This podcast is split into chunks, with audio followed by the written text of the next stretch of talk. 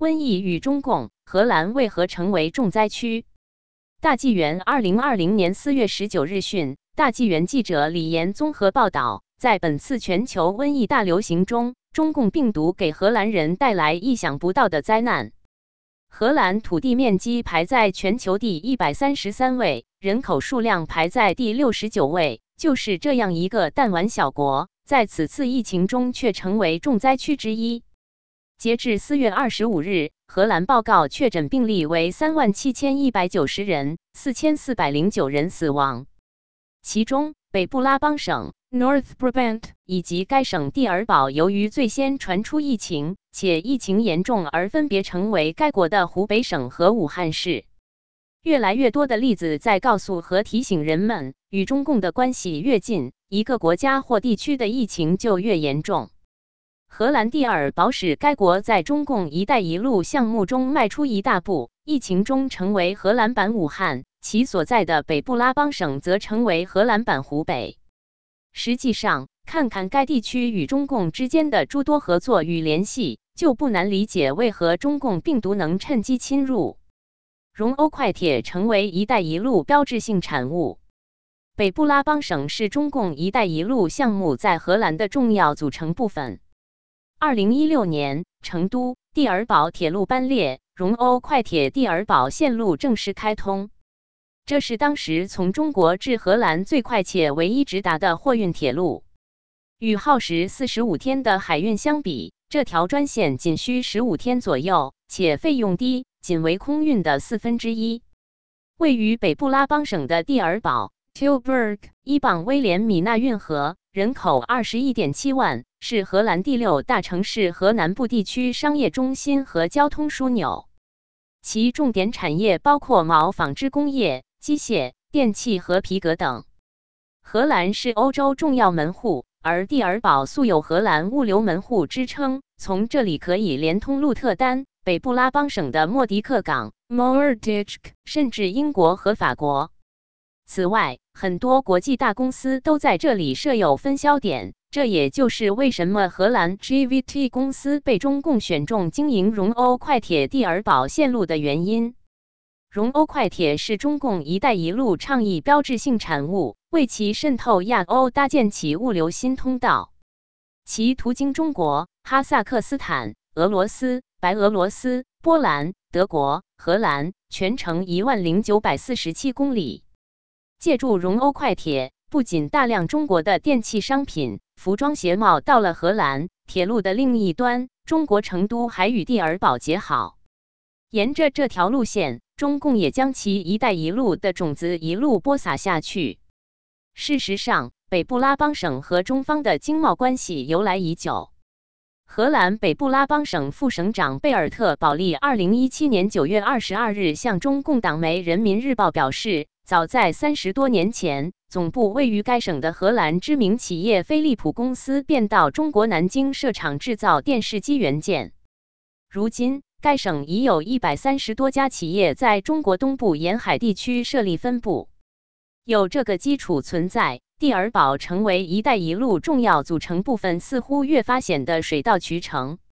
蓉欧快铁蒂尔堡线路的开通，不仅标志着荷兰、法国、西班牙等地的红酒、奶粉、汽车整车等货品进军中国市场，也标志着荷兰在中共的一带一路进程中又迈出一大步。蒂尔堡除了最终与铁路的另一头成都结好。还为鹿特丹港日后成为“一带一路”在荷兰重头戏打下基础。鹿特丹港加入“一带一路”，荷兰素有“欧洲门户”之称，物流业向来十分发达。凭借其优越的地理位置，成就了其高度发达的水陆空运输网络，并成为欧洲最重要的商品分拣中心之一，也因此而成为中共“一带一路”海陆交汇之地。有欧洲最大港口鹿特丹港和阿姆斯特丹史基普机场两大货运枢纽做依托，从荷兰始发的货物在两天内即可覆盖欧盟各主要市场。中共在荷兰推动“一带一路”，首要目标是让鹿特丹港和物流行业参与合作，打开海陆丝绸之路最终的大节点。鹿特丹港通往全球一千多个港口。该码头连接铁路多式联运，为货物往来欧洲内陆腹地提供了理想选择。港内的 Euromax 集装箱码头为当今最为先进的无人操作装卸码头，年装卸量约七百万标准箱，其中百分之二十五的集装箱吞吐量来自中国。荷兰人以为加入新丝绸之路能让自己的设施连通网延伸铺展，能获得更大利益。尤其让鹿特丹港动心的是，除来自亚洲的传统海运业务外，海陆联运可以让其通过蒂尔堡和德国的杜伊斯堡搭接上荣欧快铁，亚欧物流将有更多选项，有了更多联通，也就会有更大利益。“一带一路”进军欧洲各国港口的是中共用国库支持的国企中远海运。二零一六年五月。中远海运集团下属的中远太平洋有限公司与李嘉诚执掌的合记港口集团下属企业 ECT Participations BV 公司签署股权转让协议，前者以1.25亿欧元买下后者拥有的 Euromax 集装箱码头百分之三十五的股权。收购完成后，加上此前已有的股份。中远太平洋拥有 Euromax 集装箱码头百分之四十七点五的股份，成为其最大股东。中远海运在西班牙等多个欧盟国家多个码头持有控股和所有权。随着其投资控股的攀升，掌握的权力也越来越大，甚至直接影响到物流流向。他们可以让物流经过某港口，也可以让物流不经过某港口。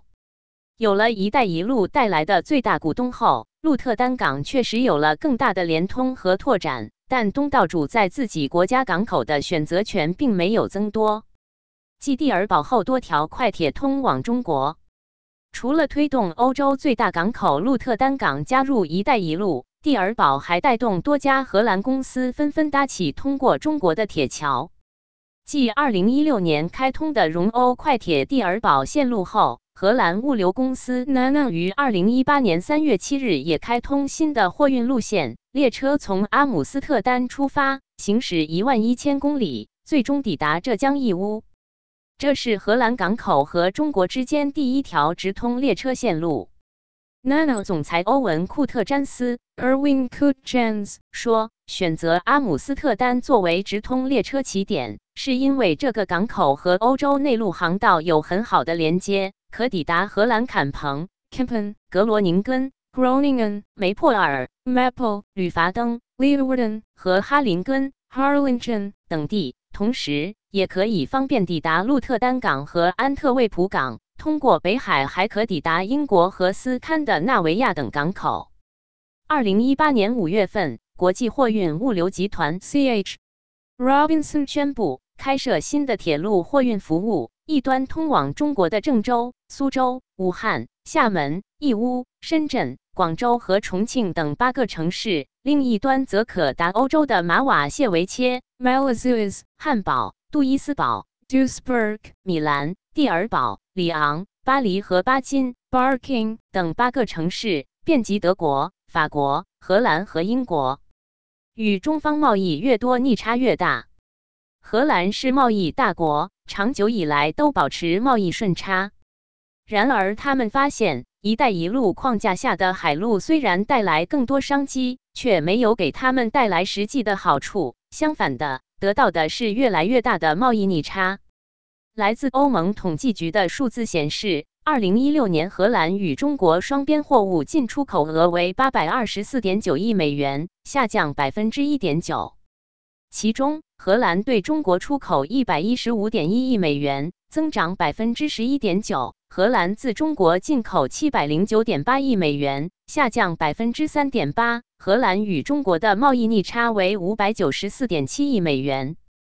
二零一七年，荷兰与中国双边货物进出口额为一千零七十四亿美元，增长百分之三十点九。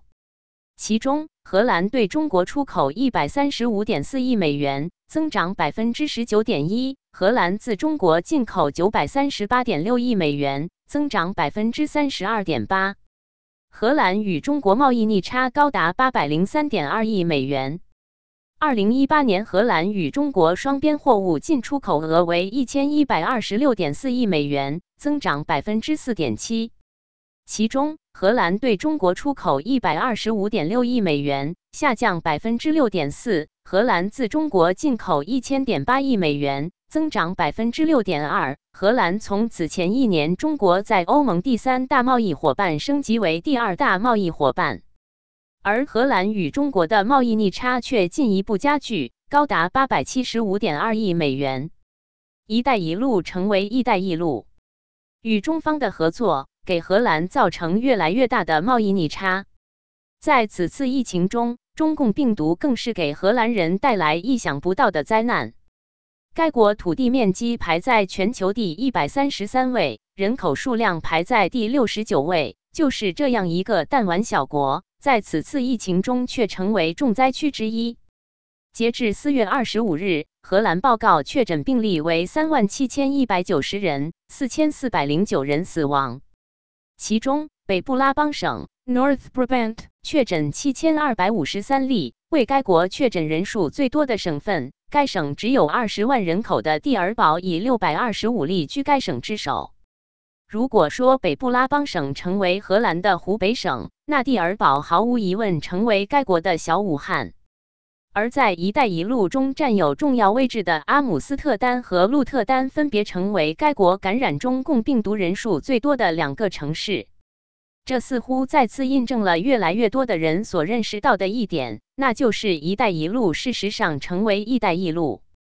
除了荷兰、伊朗。意大利、西班牙等中共“一带一路”的重要合作伙伴，纷纷在此次瘟疫中成为欧洲乃至全球名列前茅的重灾区。就连中立国瑞士，也一度稳居疫情最严重的前十个国家之列，而它也与中共签下了一带一路意向书。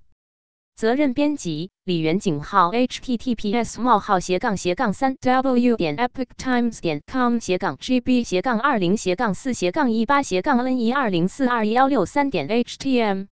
瘟疫与中共名人染疫中共因素引深思。田云：疫情冲击下，华尔街空荡荡。图为二零二零年三月十九日纽约证券交易所附近的铜牛雕像。Photo by Johannes Isla AFP via Getty Images。大纪元二零二零年四月十九日讯，中共病毒疫情爆发以来，许多知名人士确诊感染，甚至因病离世，其中包括政治、金融、商业、教育、传媒、文艺、体育和娱乐等领域的名流和明星。本文关注染疫名人与中共之间不同形式的关联，希望引起读者的思考与警觉。一、政界。三月二十七日，英国首相鲍里斯·约翰逊 （Boris Johnson） 被确诊感染了中共病毒，他是西方大国中首个染疫的领导人。约翰逊居家隔离后病情加重，入院治疗，一度进入重症室，四月十二日出院。约翰逊最为亲共的举动，就是今年一月二十八日宣布对华为公司放行，允许其参与英国的五 G 建设。这一决定为中共投送了对方渴望的背书，招来美、澳等盟友及本国保守派议员的强烈反对。此外，约翰逊在担任伦敦市长时，曾推动沪伦通金融项目，也曾对“一带一路”表示热情。他的父亲和两个弟弟也都有亲共背景。摩纳哥国王阿尔贝二世于三月十九日确诊，是首位染疫的国家元首。他在位期间曾十次访华，与中共十分亲近。二零一八年，摩纳哥与华为签署协议，成为首个五 G 覆盖全国的国家。此外，摩纳哥也表示有意参与“一带一路”项目。被北京当局称为中欧合作的先行者。伊朗是中共的亲密伙伴，积极拥抱“一带一路”。一名经济部官员为了吸引外资，曾表示：“我们会为中国企业铺上红地毯。”本次疫情中，伊朗受灾惨重，至少二十多名高层政要染疫，包括第一副总统埃沙克·贾汉吉里 （Ishak Jahangiri），其中七人已经去世。二。金融界和商界。四月九日，著名金融公司摩根斯坦利首席执行官詹姆斯·戈尔曼 James Gorman 对外宣布，他已经从新冠病毒、中共病毒中恢复。他是已知染疫的最资深华尔街高管。三月二十九日，华尔街知名投资银行杰富瑞 Jeffries 的首席财务官佩格布罗德本特 Peg Broadbent 因中共病毒引起并发症去世。他生前还曾在摩根斯坦利工作了十六年。三月二十一日，摩根大通前资深高管比尔派克 Bill Pike 也因为感染中共病毒离世。华尔街财团一向与中共交好，几名资深高管先后被中共病毒攻陷，这并非巧合。二零一八年六月一日，中美贸易战开打之际，名胜指数 MSCI 按照百分之二点五的纳入比例，将 A 股正式纳入 MSCI 新兴市场指数中。二零一八年九月三日，MSCI 将中国 A 股的纳入比例提高到百分之五。二零一九年二月二十八日，MSCI 又宣称将把中国大型股在其指数中的纳入因子提高至百分之二十。路透社报道说，此举可能吸引超过八百亿美元的新外资流入中国。美国咨询公司 RWR 的总裁兼首席执行官罗杰·罗宾逊 Roger Robinson 曾对《事事关心》节目主持人表示，据他估算，二十多年来。华尔街向中共输血的总额约为三万亿美元。注：罗宾逊曾在里根总统时期担任国安委国际经济事务高级总监。二零一六年，摩根大通银行被联邦政府罚款两亿六千四百万美元，依据是反海外腐败法。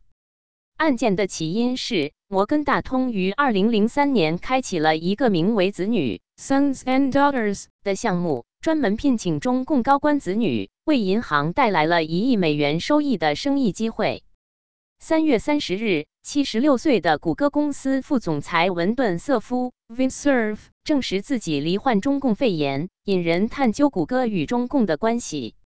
据媒体报道，近年来，谷歌高层一直在积极寻求重新进入中国的方式，试图不断扩大在中国的业务。二零一八年，媒体曝光。谷歌正在为中共开发一个过滤的新闻应用程序，以期重返中国市场。这个名为“蜻蜓 ”（Dragonfly） 的项目引起了谷歌员工的愤慨和美国政府及民众的批评。三月十六日，美国媒体报道，环球音乐集团 （Universal Music Group） 董事长兼首席执行官卢西恩·格兰奇 （Lucian Grange） 被确诊染疫。环球音乐是全球最大的唱片公司。二零一七年五月，环球音乐与中国腾讯音乐娱乐集团签订了战略性合作协议。腾讯音乐娱乐包括旗下的音乐公司，获得环球音乐海量曲库内容和全球知名歌手资源的运营、推广、开发等权益。二零一九年三月三十一日。中国腾讯控股完成了收购环球音乐集团百分之十股权的交易，交易额即约为三十亿欧元。三、教育界。三月二十四日，美国哈佛大学校长劳伦斯·巴科 （Lawrence Bacow） 对外界表示，他和妻子阿黛尔 （Adele Bacow） 的病毒检测均呈阳性反应。六十八岁的巴科是环境政策和法律方面的学者。自2018年起担任哈佛大学第二十九任校长，任教于大学的肯尼迪政府学院。去年3月20日，巴科就任校长后首次出访，选择前往北京，并与中共党魁会面。哈佛大学是中共对美渗透的重点学术机构。在过去二十多年里，哈佛的肯尼迪学院为中共培训了上千名中共官员、军队将领。有中共第二党校之戏称，自二零一二年以来，中共以礼品及合同的形式向八十七所美国大学提供了约六亿八千零二十七万美元，其中哈佛大学已获得捐款七千九百二十七万两千八百三十四美元，排在首位。二零二零年一月二十八日，哈佛大学化学系主任、纳米领域知名科学家查尔斯·利伯。Charles M. Lieber 教授被 FBI 逮捕，震惊学术界。根据美国司法部文件，利博被指控向调查员隐瞒其参与中共的千人计划以及其与武汉理工大学的联系。据检方称，李柏从中方获得每月五万美元的酬金、年约十五万美元的生活费以及超过一百五十万美元的资金，供其在武汉理工大学建立实验室。四、传媒界。三月三十日，美国哥伦比亚广播公司 （CBS） 高级新闻主管、资深媒体制作人玛利亚·梅尔卡德 （Maria Mercader） 因感染中共病毒病逝，得年五十四岁。他是第一位因中共病毒去世的美国媒体高管。总部位于纽约的 CBS 是美国三大商业广播电视公司之一。近年来，CBS 不断扩张其在中国的市场，展开多种网络媒体业务。二零一零年十二月十八日，大陆第一财经周刊发表文章《CBS 的中国生意》。文章开头写道：“尽管电视业务在中国很难落地。”但 CBS 没有错过这个巨大的市场，它悄悄成为中国最大的垂直互动媒体公司。二零一九年五月，CBS 电视网制作的热门律政电视剧《法庭女王》推出衍生剧《傲骨之战》（The Good Fight）。据悉，该剧第三季中有一集原本包括几个中共禁忌的话题，例如被中共迫害的法轮功、一九八九年天安门事件等。但是，上述敏感内容在剧集播出时被 CBS 电视网过滤删除。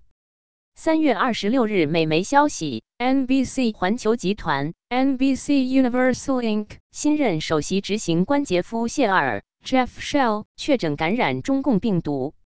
NBC 环球集团是美国传媒巨头之一，近年来与中方的合作横跨新闻、体育、影片。娱乐、旅游等领域涉及巨额利益。